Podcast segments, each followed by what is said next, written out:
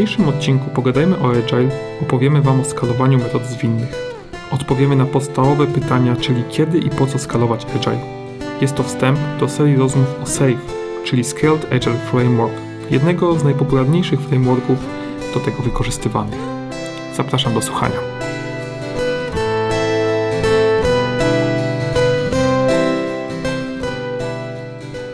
Cześć Piotrze. Cześć ponownie. Tak jest. Kolejny temat, kolejny odcinek. Tym razem z grubej rury. Skalowanie. Ale myślę, że zaczniemy troszeczkę spokojnie. Nie będziemy od razu uderzać w te najwyższe tony i nie będziemy tu wprowadzać zamieszania poprzez omawianie jakiegoś frameworku, tylko może przejdziemy sobie spokojnie skąd to się w ogóle wzięło i po co to jest.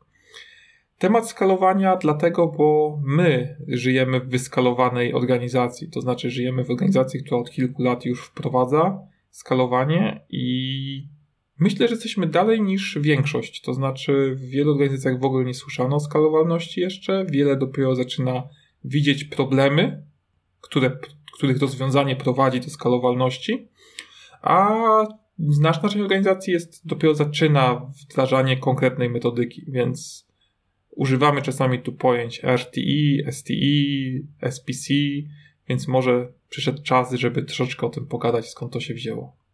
Piękny temat. Ale też, no może trzeba by zacząć od tego, skąd się w ogóle bierze problem, czy to nie jest problem, no to wyzwanie jak każde inne. Bo jak zaczęliśmy ten podcast, to rozmawialiśmy sobie o roli Scrum Mastera i przede wszystkim akcenty poszły w tą stronę. Jestem Scrum Masterem, mam Product Ownera, mam zespół deweloperski. I de facto nie trzeba nic wokół mnie organizować więcej. Powinienem mieć backlog, powinienem mieć sprinty, no i będę robił demo i jak się spodoba, product owner zaakceptuje, wdrażamy to i klienci używają. Piękny setup. Widziałeś w ogóle kiedyś coś takiego, że to jest jeden Scrum Team i, i jeden backlog i nie ma innych Scrum Teamów? W takiej stuprocentowo czystej formie nie. W formie jakiejś mieszanej, tak. To znaczy takie działy, które mają swój zespół deweloperski, mają jedną swoją aplikację, a inne zespoły wrzucają im zadania jakimiś y, ticketami y, w Jirze czy w innym systemie ticketującym, tak? To tak, to widziałem. Natomiast na pewno nie widziałem Scrum Teamu działającego w izolacji, nie mającego dependencji na innych. Także, także nie, w sumie czegoś takiego stricto sensu nie ma. Nie? Zawsze masz kogoś, z kim współpracujesz, zawsze twoja aplikacja łączy się z innymi aplikacjami. Nie? Więc, więc nie, nie widziałem czegoś takiego. Ja sobie wyobrażam, pierwsze co mi przychodzi do głowy to jakieś startupy, gdzie jakby cała firma jest rozmiaru Scrum Teamu i wtedy faktycznie może, może nie być nikogo więcej. To, to jest wszystko, co mamy i to wdrażamy i, i to, to rozwijamy.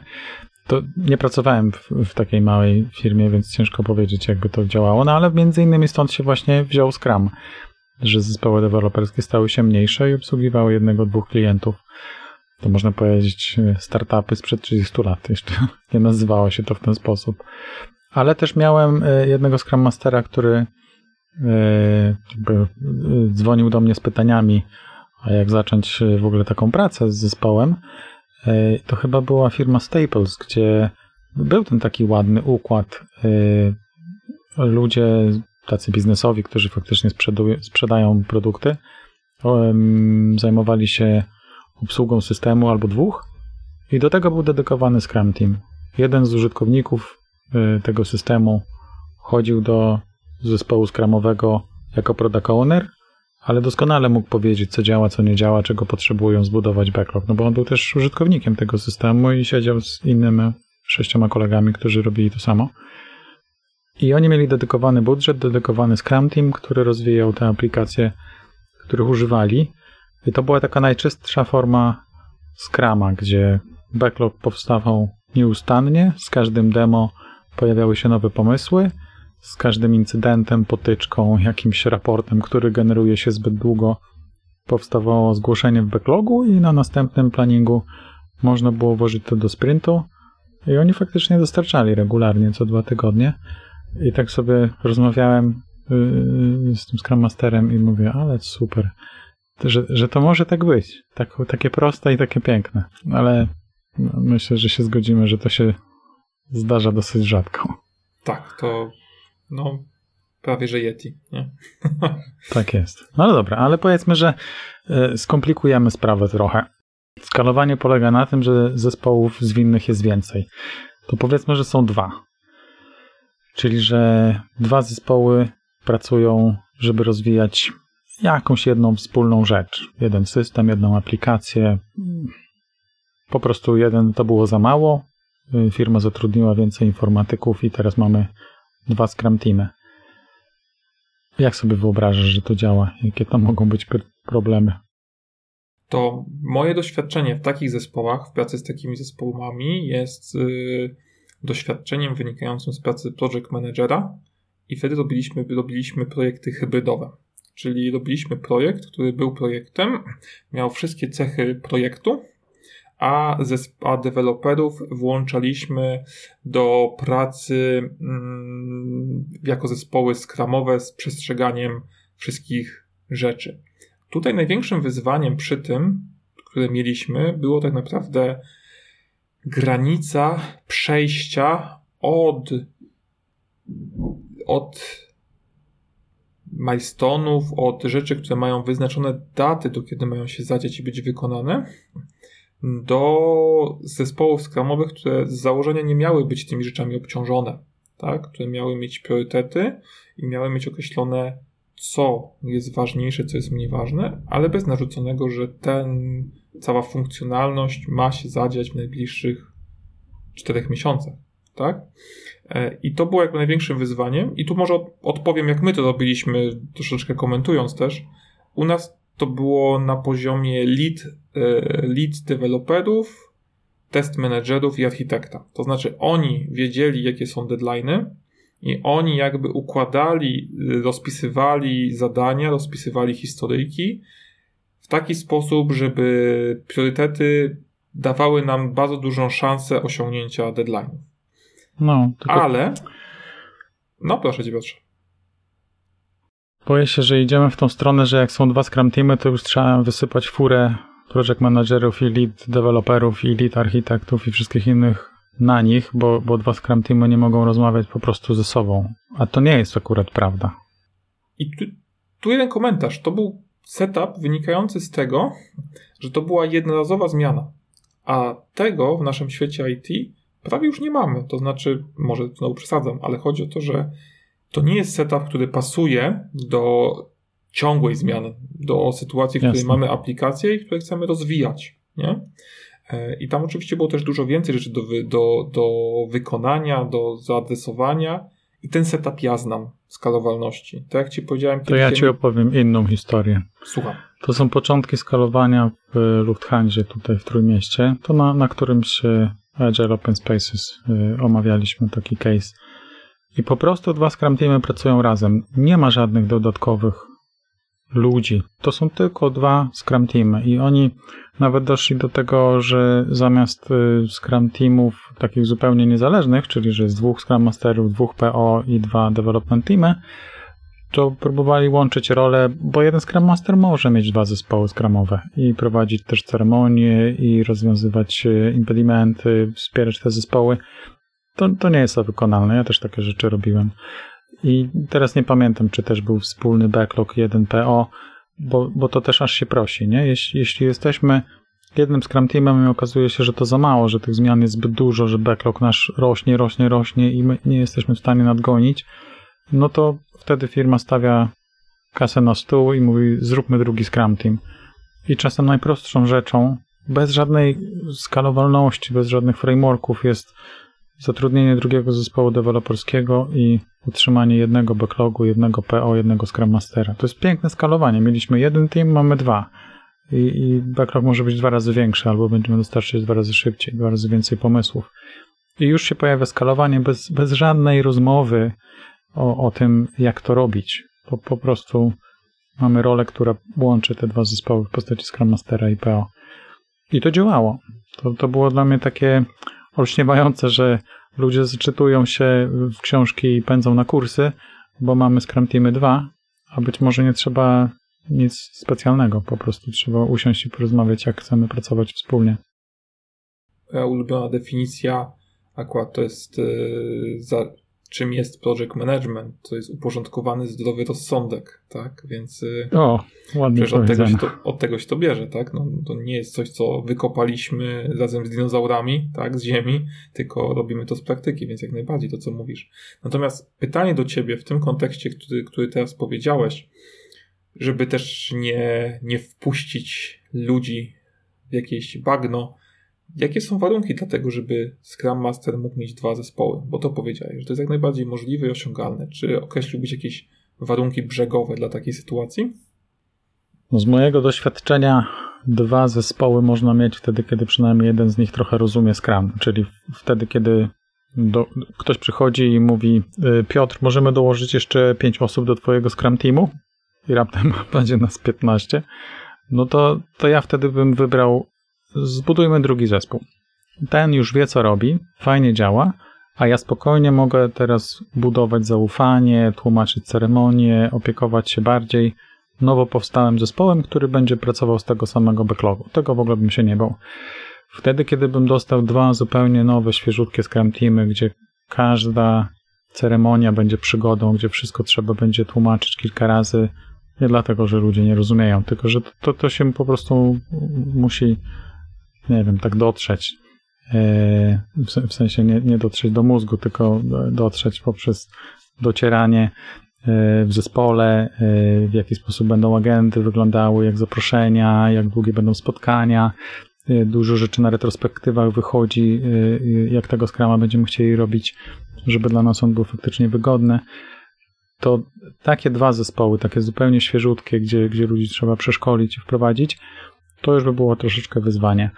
Miałem też epizod, e, kiedy prowadziłem trzy Scrum Teamy i to już było z kolei takie trochę nieuczciwe wobec zespołów deweloperskich. Bo ja się pojawiałem, znikałem, wiele ceremonii odbywało się beze mnie, no bo ja nie mogłem być. Nie, nie było odwołane, no bo to, to, to nie jest powód, żeby odwoływać ceremonię, bo Scrum Master nie przyszedł, ale tak trochę dziwnie było, nie? że to chyba Scrum Master powinien z nami tutaj być. E, a ja po prostu miałem za dużo na głowie. Także ustawiłbym ten limit na dwa zespoły i przynajmniej jeden, żeby wiedział, co, co to jest ten Scrum. E, a wtedy, kiedy wszyscy są nowi, to skupiłbym się na jednym zespole najpierw. To dodam jeszcze tylko jedną rzecz do tego, co powiedziałeś, bo też widziałem takie próby e, obsadzenia Scrum Mastera troszeczkę na siłę w dwóch zespołach, które nie miały nic wspólnego.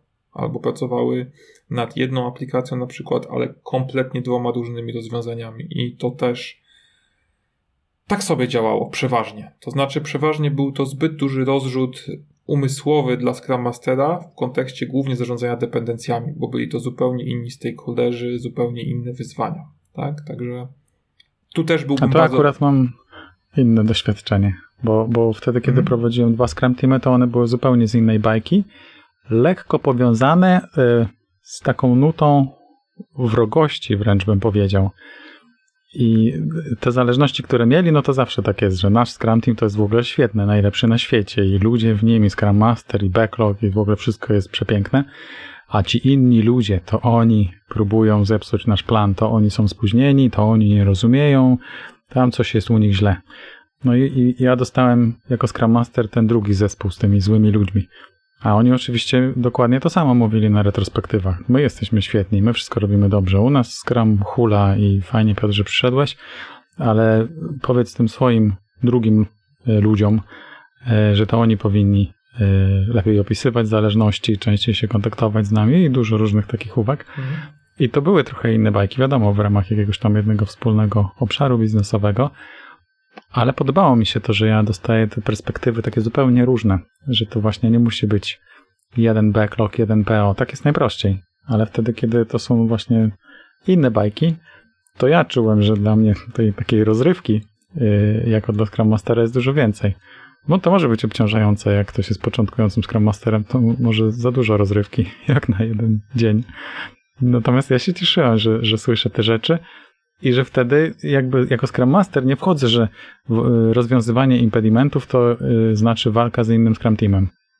Bo ja jestem tam też Scrum Masterem I tu nie trzeba walczyć, tylko trzeba rozmawiać, trzeba szukać jakiejś płaszczyzny. Wpadnijcie do nas na demo, a może my pójdziemy do was na daily, a może porozmawiamy o naszych backlogach, jakieś zależności ustalimy, no, nawet jakieś daty, coś sobie obiecałem wspólnie, będziemy sprawdzać. To, to mi się podobało. To nie chcę zbyt dużego off-topiku robić tutaj, ale tak teraz faktycznie próbuję przywołać w głowie te osoby, które mi mówiły, że to nie, nie sprawdza się i że mają z tym problemy, to faktycznie były osoby, które mają trochę inny charakter niż ty, jak sobie je przypominam, tak? Więc może faktycznie to wynikać też z osobowości, że tak mówisz, jest łatwiej, jest może wtedy spokojniej, a, a niekoniecznie wynika z tego, czy się da, czy nie. Ale dobra, okay. to już porzućmy to, tak? Czyli mamy dwa zespoły. Co dalej? No, no dalej. Powiedzmy, że to jest dalej za mało. Backlog nam znowu urósł i apetyt jest większy. Ktoś kładzie kasę na stół i mówi: Zróbmy trzeci zespół zwinny. Te dwa działają świetnie, chcemy mieć taki sam trzeci. No i tu się wtedy pojawia pytanie, zwłaszcza w tym modelu Scrum Master miał dwa zespoły, Product Owner miał jeden backlog i dwa zespoły. Dwa razy robił planowanie sprintu, dwa razy był na demo czy da radę, nie? Teraz, czy, czy trzy razy yy, pójdzie na planowanie sprintów, będzie miał backlog jeden dla trzech zespołów. To samo Scrum Master, nie? To przed chwilą mówiłem, że ja miałem trudność prowadzenia trzech Scrum Teamów, bo, bo faktycznie potem brakuje godzin.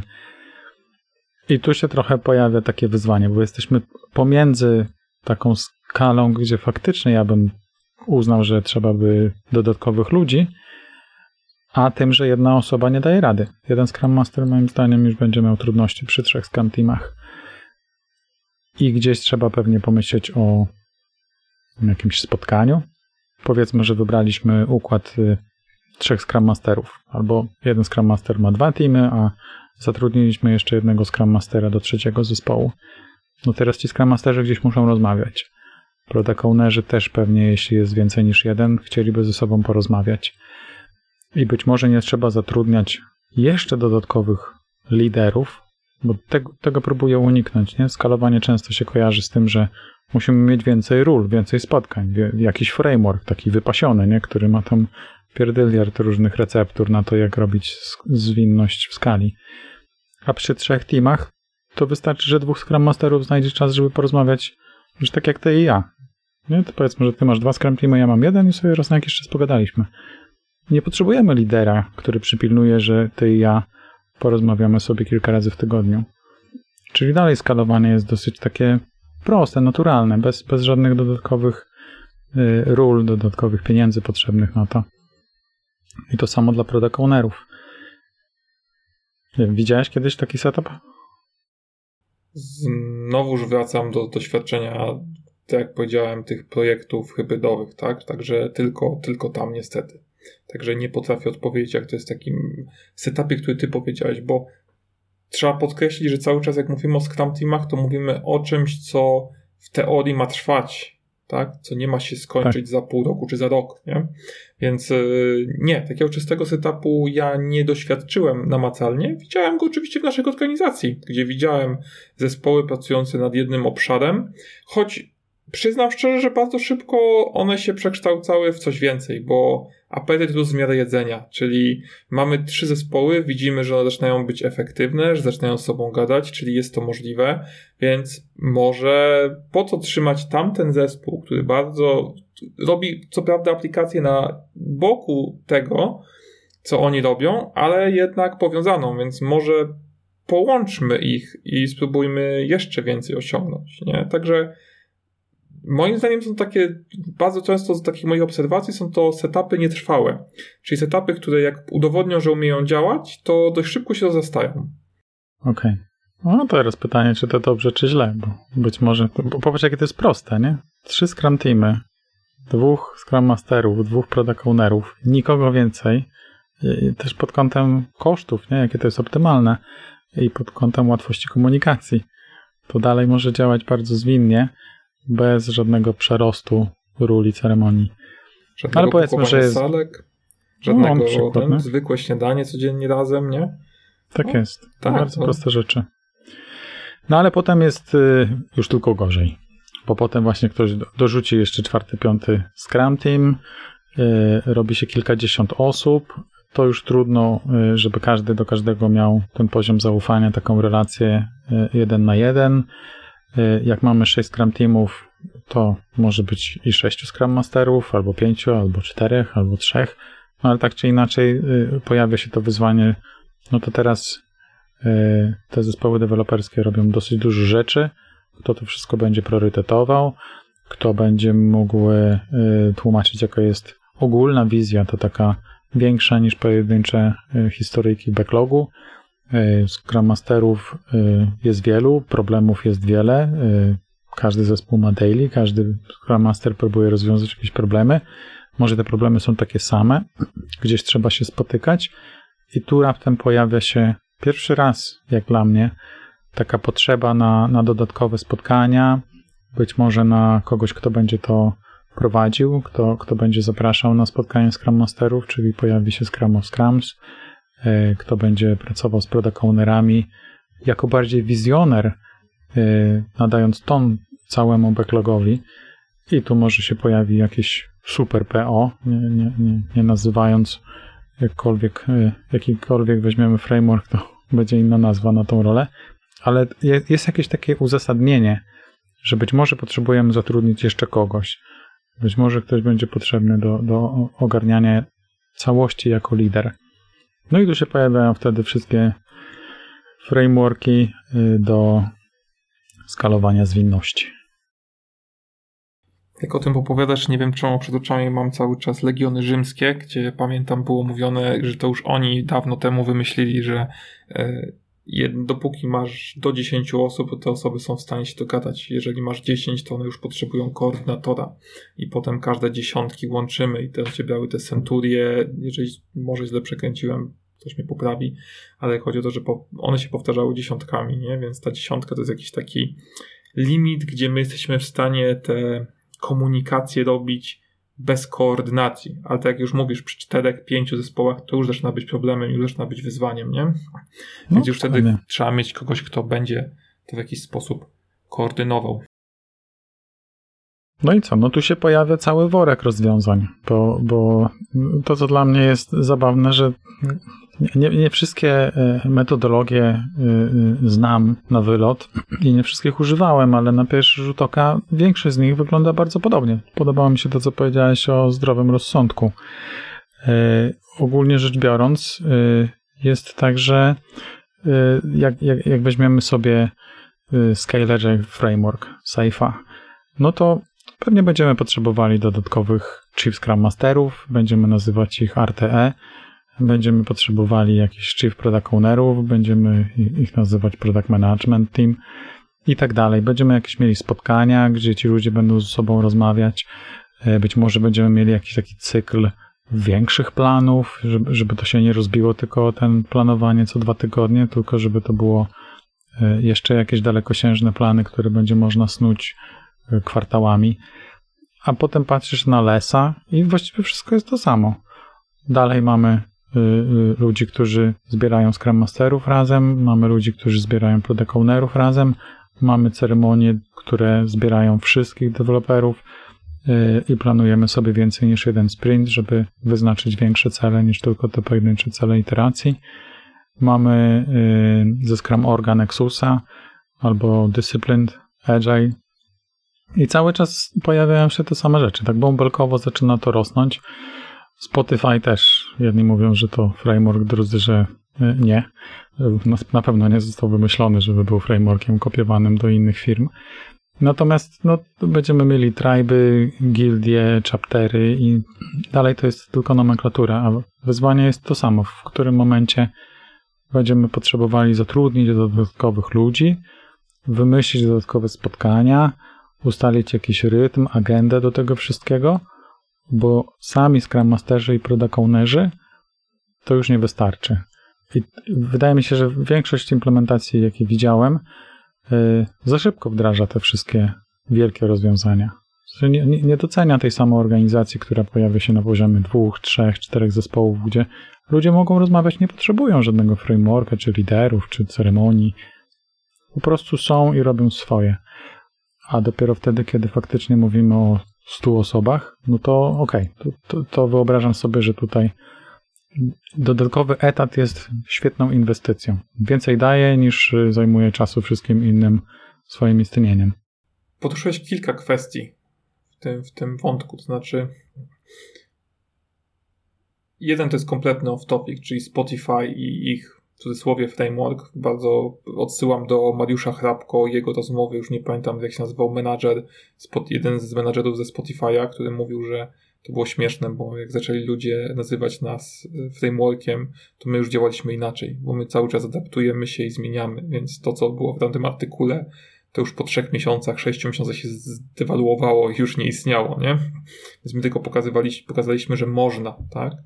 E, natomiast odnosząc się do metodologii, to jest o tyle ciekawe, że w sumie to jest, sprowadza się do tego, w jakiej organizacji pracujesz, bo ty powiedziałeś, że nie miałeś szansy pracować z innymi frameworkami za dużo, czy nie miałeś okazji ich doświadczyć, tak?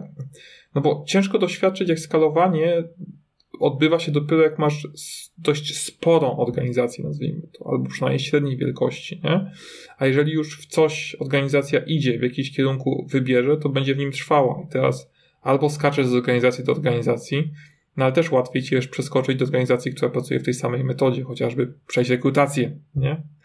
No to to tak jakby y, osobny temat, ale mam też do Ciebie za chwilę jeszcze jedno pytanie odnośnie e, tych, m, tych frameworków, Natomiast chciałbym tylko jeszcze raz powtórzyć, czy, żeby nieco inaczej to zobrazować. Czyli można troszeczkę powiedzieć, że skalowanie polega w większości frameworków na tym, że tak samo jak podchodziliśmy do zespołu deweloperskiego, gdzie mieliśmy jednostkę będącą deweloperem, jednostkę będącą testerem i gromadziliśmy ich w zespół i dawaliśmy im Scrum Mastera i Product Ownera, tak przy skalowalności większość podchodzi do tego, większość frameworków podchodzi do tego w ten sposób, że jako jednostkę traktuje ten zespół, tym razem skramowy, i robi to samo, czyli z jednostek buduje się zespół, który jakkolwiek się nazywa, a nad, nad nimi kładziemy Scrum Mastera, który będzie w tym momencie jakimś RTE, czy Scrum Masterem of Scrum Masters, nie wiem jak to nazwać, i Product Ownera, który będzie Product Ownerem nad Product Ownerami, tak? I budujemy to po prostu w ten sposób. To może jest dobra wizualizacja. Wyobraź sobie, że masz trzy osoby i mówisz, wy będziecie Scrum Teamem, a ja będę wami zarządzał. Albo będę waszym servant liderem. I mam pełen etat, żeby dbać o te trzy osoby. No absurd, nie? w sensie nikt by nie zatrudnił Scrum Mastera dedykowanego dla trzech osób, bo to się jakby nie kalkuluje. A czasem jest, robimy cały wielki framework, żeby zorganizować trzy Scrum Teamy. No tak. i gdzie, gdzie tu logika, nie? Czy to było potrzebne? Kto za to płaci? Czy dało się zrobić taniej i szybciej? Jak najbardziej. To się w pełni zgadza. Dobra, myślę, że powoli zmierzamy do końca tej części i w następnym odcinku pewnie pójdziemy już troszeczkę w sci-fi, porozmawiamy czym Skeletal Java Framework jest, ponieważ w nim istniejemy, w nim żyjemy. Natomiast y, Mam inne pytanie od ciebie. Mówisz, że nie spotkałeś się za dużo z pozostałymi metodo, metod, metodykami, metodologiami. Teraz przepraszam, tutaj wiem, że jest różnica pomiędzy tymi pojęciami, ale nie działa, nie pamiętam jaka.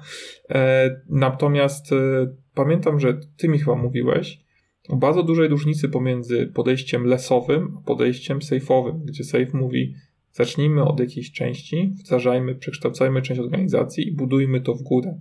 Natomiast les mówi wejdźmy, wywalmy wszystko i zacznijmy od zera, tak? A z drugiej strony mówisz, że wprowadzają w sumie to samo. Tak, to jest, myślę, że to jest y, element sprzedażowy. Y, Baz Woda i Greg Larman y, wprowadzając Lesa w ten sposób próbują wiem, zdobyć buy-in. Bo wtedy, kiedy, kiedy ktoś robi tak zwaną przekładkę firmy i zmieniają się role, wszyscy tym liderzy raptem mają wybór być product ownerem, scrum masterem albo nie mieć pracy, to, to jest bardzo agresywna metoda, natomiast ona jest też skuteczna wtedy, kiedy próbujemy sobie y, wdrożyć coś, co jest nieodwracalne. Nie, nie, nie da się tak y, rakiem wycofać z takiej zmiany, bo, bo, bo ona była tak potężna, że y, wszyscy są tutaj albo już ich w ogóle nie ma. Więc wydaje mi się, że to jest tylko marketing, w jaki sposób e, dany framework chcesz sprzedać. A też nie, nie wiem, czy na świecie nie ma wdrożonego lesa w sposób taki właśnie raczkujący, bo to, to nie jest tak, że nie można tego zrobić. To, to dalej są ceremonie, role spotkania i jakieś big room planningi, które można sobie wprowadzić, tylko że ogromne zagrożenie jest takie, że jak się wprowadza jakąś zmianę powolutku idąc do przodu, to tak samo później powolutku można się z tej zmiany wycofać i tak właściwie nikt nie zauważy, jesteśmy prawie w tym samym miejscu, z którego startowaliśmy. Więc tu, tutaj Greg Larman bardzo mocno apelował o to, że jak robić, to porządnie. I, i naprawdę zmieniać rolę w HR-ach, y, dać ludziom wybór, żeby wybrali sobie, czy chcą być bardziej PO czy Scrum Master, czy chcą odejść, nic się nie stało, nie każdy musi być pasjonatem zwinności, ale ta firma bierze to na serio. A, a Save z kolei w drugą stronę próbuje y, Leffingwell pokazać, że hierarchia, struktura, kadry, płace, finanse, księgowość y, to są bardzo dobre, potrzebne y, funkcje, a jeśli chodzi o rozwój produktów, to mamy coś lepszego. I, I nawet jeśli mamy dyrektorów departamentów, którzy mają swoich deweloperów, testerów i tak dalej, to my sami jesteśmy w stanie się zorganizować w ramach struktur zwinnych w sposób, który jest zoptymalizowany na czas, zoptymalizowany na komunikację, e, a firma wcale nie musi być tak zorganizowana. Już mamy klientów globalnych, którzy mają te zespoły rozsiane po całym świecie i struktura jest zorganizowana pod to, żeby łatwo firmą zarządzać, łatwo liczyć budżety, łatwo wyznaczyć sobie cele, zatrudniać, zwalniać pracowników. Po to mamy strukturę organizacyjną firmy. A raptem przychodzi ktoś i mówi, ale my chcemy dostarczyć zwinnie, szybko, w małych grupach w jakiejś swobodzie, y, z, z własnymi budżetami na przykład. I tu się pojawia właśnie to takie lustro, że, że mamy coś innego niż czysta struktura firmy. A ktoś inny powie, no dobra, macierzowe, no nic nowego nie wymyślili, nie? Bo tutaj Piotr opowiada, jakby to było jakiś wielki wynalazek, a wszyscy pracujemy w strukturach macierzowych od lat, tylko zwykle to było jestem częścią tego departamentu i jeszcze jestem częścią tego projektu i to jest moja wirtualna organizacja. Zamiast projektu będziemy teraz chcieli zbudować struktury zwinne, które są troszeczkę bardziej trwałe niż pojedynczy projekt. Mhm. No, do tego jeszcze też wrócimy, bo na pewno, jak ci powiedziałem, chciałbym zrobić z tobą odcinek, gdzie chciałbym troszeczkę zaatakować safe'a. To znaczy powiedzieć o rzeczach, które mi się nie podobają. Część oczywiście z tych rzeczy już sam sobie rozwiałem, więc w ramach rozwoju, ale niemniej jest dużo rzeczy, które gdzieś są kłopotliwe, są błędne. Natomiast inne pytanie, jeszcze nas już dosłownie na koniec. Czy interesowałeś się, jaki jest aktualny status? Czyli czy któraś metodologia zaczyna być demo, e, że któryś framework zaczyna być dominujący na świecie? I z czego właściwie wynika, to jest drugie pytanie, to, że firmy decydują się na pewien framework bo na przykład PMI, Prince 2, tu można pewne rzeczy rozróżnić, czyli kraje anglosaskie, amerykańskie, e, pochodzenie firm miało duży wpływ na to, co było implementowane. A jak to wygląda w metodykach zwinnych? Y, na pewno jest tak, że Safe ma tą taką wiedzie prym, y, a wydaje mi się, że między innymi dlatego, że y, jest dosyć łatwo akceptowalny na, na, ma, ma wersję na małe przedsiębiorstwo, średnie przedsiębiorstwo, ogromną korporację i dla największych klientów globalnych. Poparte jest ogromną rzeszą szkoleń, materiałów szkoleniowych, więc y, jest takie poczucie, że wszystko jest gotowe, starczy tylko to wziąć i wdrożyć. Co każdy, kto wdrażał zmianę w organizacji, wie, że to, to może tak się wydaje, a 4 lata później dalej jeszcze trwa transformacja. E, natomiast e, w jakiś taki sposób jest e, przygotowany, taki łatwy do, do zaakceptowania na, na zarządzie, więc to, to bez dwóch zdań, nie? to jest tam 70% rynku, jeśli chodzi o skalowanie, to, to, to firmy używają Safe'a.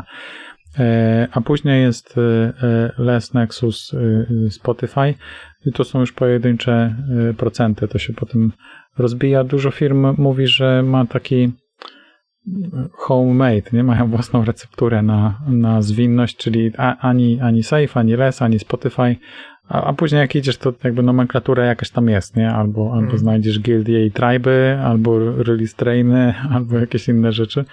Y, więc pod tym kątem no, nie, nie, nie sądzę, żeby firmy wymyślały własne trzecie czy czwarte nazwy na to samo, co już zostało opisane, ale że nie, nie traktują tego religijnie, nie, bierzą, nie biorą wszystkiego z jednego frameworka, próbują dopasować się y, do, do, do tego, co naprawdę jest potrzebne, więc no to też jest jakieś 20% rynku skalowania. Możemy sobie porozmawiać o tym, skąd się to bierze. Moim zdaniem ten, ten aspekt sprzedażowy, y, bo to zwykle dyrektorzy i zarządy decydują, czy to będzie to, czy coś innego, czy to taki framework, czy inny framework. Nie? Wtedy, wtedy kiedy to jest bottom-up, to dochodzimy do jakiegoś momentu, kiedy ktoś musi klepnąć budżet szkoleniowy 2 miliony.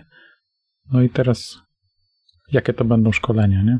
Czy to będzie ze Scrum.org, czy to będzie ze Scale Agile, czy to będzie z Lesa. I, I, wtedy raptem okazuje się, że materiały marketingowe mają taką samą wagę jak y, liczba implementacji na świecie i, i tak dalej. A to, co mówi y, Dean Leffingwell, to że y, ogromna część świata y, deklaruje, że wdraża sobie jakieś frameworki, a robi to po łebkach, z jakimś brakiem zrozumienia, albo nie zmieniając wartości firmy, próbując tak jakby na siłę forsować dany framework. Więc pewnie prawdziwe pytanie jest to, ile jest udanych implementacji, takich, które przynoszą tą ogromną wartość, jaka jest obiecywana w strukturach zwinnych, skalowanych. I tu ja odpowiedzi nie mam. Bardzo często też jest tak jak u mojego znajomego, tak, gdzie oni właśnie chcieli wdrożyć, już nie pamiętam, to był Scrama, czy właśnie chcieli już skalować Scrama i dostali odpowiedź, byli działem IT w większej firmie, tak, i rozwijali pewien soft w firmie, która produkowała tak naprawdę inne rzeczy, a soft był elementem tego wszystkiego. Dostali odpowiedź, jasne, nie ma problemu, możecie pracować w czym chcecie, byle na grudzień to było, nie? I mhm. nie ma tego buy-inu, tak, w tym momencie od, od osób wyżej i no ciężko w tym momencie coś wdrażać, więc nawet jak próbują, spotykają się z barierą, no a ciężko wdrażać agile, jak nie masz klienta, który no, z tobą tak ściśle współpracuje. No i podsumowując skalowanie, to bym jeszcze powiedział, że na 6-10 Scrum Teamach to się nie kończy. Czyli będzie ten moment, kiedy komuś się tak bardzo spodoba zwinność, że będzie chciał mieć takich Scrum Teamów 200, 300, czyli raptem okaże się, że znowu przekraczamy ten poziom, że to jest tysiąc osób, y, patrząc na starożytny Rzym.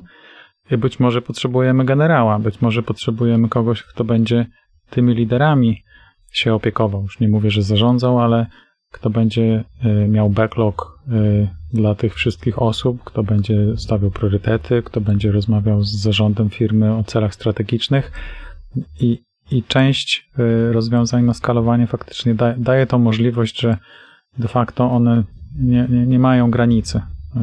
Są największe korporacje na świecie, które wdrażają skalowalność i zaczynając od malutkiego bąbelka, który ma 7 osób i jest Scrum Teamem, potrafią pracować zwinnie w strukturach, które mają tysiące osób pod sobą. To taka obietnica. No i to można też e, powiedzieć, że my jesteśmy w takiej sytuacji, to znaczy ja zostałem RTI właśnie wynikającym z podziału pociągu na trzy pociągi, które stwierdziły, że jesteśmy za duże, żeby zostać jednym, czyli jednym tym zespołem e, kontrybującym do projektu, Myślę, że za jakiś czas pewnie zrobimy odcinek, gdzie pogadamy o tym, jak to wyszło, jakie są wnioski z przejścia takiego czegoś, szczególnie, że ty jesteś naszym coachem, który nas prowadzi tą, tą drogą ku światłości. tak jest. Na razie idzie całkiem nieźle. Tak jest. I tym optymistycznym akcentem myślę, że możemy zaparkować, powiedzieć dziękujemy. Jakbyście mieli jakieś pomysły na odcinki, e, zachęcamy do odwiedzenia naszego Facebooka. I myślę, że to będzie chyba najłatwiejsza forma, żeby z nami się skontaktować, wrzucić pomysł, zapytać, jeżeli Was coś interesuje. Super. Piękne dzięki. I dzięki wielkie.